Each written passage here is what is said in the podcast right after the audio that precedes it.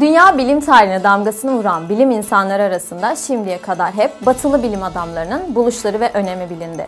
Fakat İslam coğrafyasına baktığımızda Müslüman alimlerin batıdaki bilim adamlarının çalışmalarının temelini hazırladıkları görülür.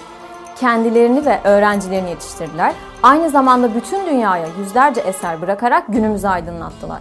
Cabir bin Hayyan, yaşadığı yüzyıla damgasını vuran, çalışmalarıyla bugün hala bilimin yolunu aydınlatan alimlerden yalnızca biri. İslam dünyasında fen bilimlerinin temelini atan ilk kişi olan Ebu Musa Cabir bin Hayyan, 721'de Horasan'da dünyaya geldi. Kimya, simya, eczacılık, fizik, astroloji, astronomi, tıp, coğrafya ve mühendislik alanlarına da azımsanamayacak kadar katkı sağladı. Modern kimyanın temelini attı. Kimya alanındaki buluşları ile modern kimyanın hem teorik hem de pratik anlamda büyük yol kat etmesini sağladı. Modern kimyanın kurucusu, simya biliminin de bilinen ilk pratik alimi olarak tanındı ve kabul edildi. Halen günümüzde Arapça adıyla kullanılan birçok kimyevi maddenin tespitini gerçekleştirdi. Kimya bilimi için vazgeçilmez olan hassas ölçüm aletlerini yaparak kristalleşme, damıtma, kalsinasyon, sublimasyon tekniklerini kimyaya kazandırdı. Çeşitli metalleri kullanılır hale getirmek için çalıştı ve çeliği geliştirdi.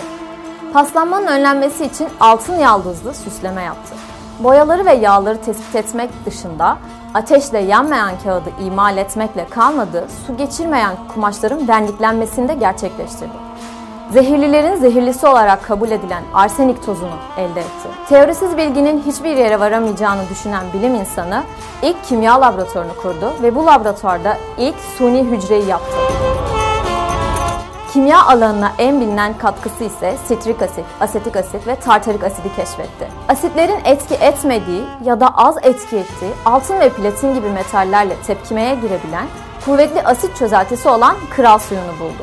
Cabir bin Hayyan, kendi geliştirdiği imlik ile yine ilk kez onun tarafından kullanılan baz kavramını geliştirerek modern kimya için çığır açtı. Atomla ilgili çalışan ilk kişi olarak kabul edilen İngiliz fizikçi John Dalton'dan Tam bin sene önce Cabir bin Hayyan atomun parçalanabileceğini söyledi.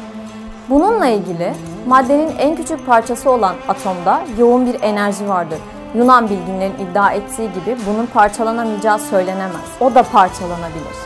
Parçalanınca da öylesine bir güç meydana gelir ki Bağdat'ın altını üstüne getirebilir. Bu Allahu Teala'nın kudret nişanıdır dedi. Kitab-el Kimya adlı kitabı 12. yüzyılda Latince'ye çevrildi. Böylece Cabir bin Hayyan sayesinde simya ve kimya kavramları ilk kez kullanıldı. Burada nitrik asit, hidrojen klorür ve sülfürik asidin rafine ve kristalize yöntemlerini nasıl bulduğunu anlattı.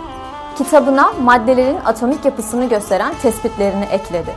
14. yüzyılda batıdaki etkileri göz ardı edilemeyecek kadar büyüktü. Kitab-ı Sebin, 70 kitap eserinin İngilizceye çevrilmesiyle Cabir bin Hayyan'ın dünya bilimine sağladığı katkı daha da anlaşıldı. Sadece 27 tanesi Latince ve Almanca olarak Nürnberg, Frankfurt ve Strasbourg'da 1473 ve 1710 yılları arasında basıldı. Çalışmaları ve buluşları ile günümüzü aydınlatan Müslüman alim, öğrencilerini yetiştirdikten, eserlerini bıraktıktan sonra 815 yılında Küfe'de vefat etti.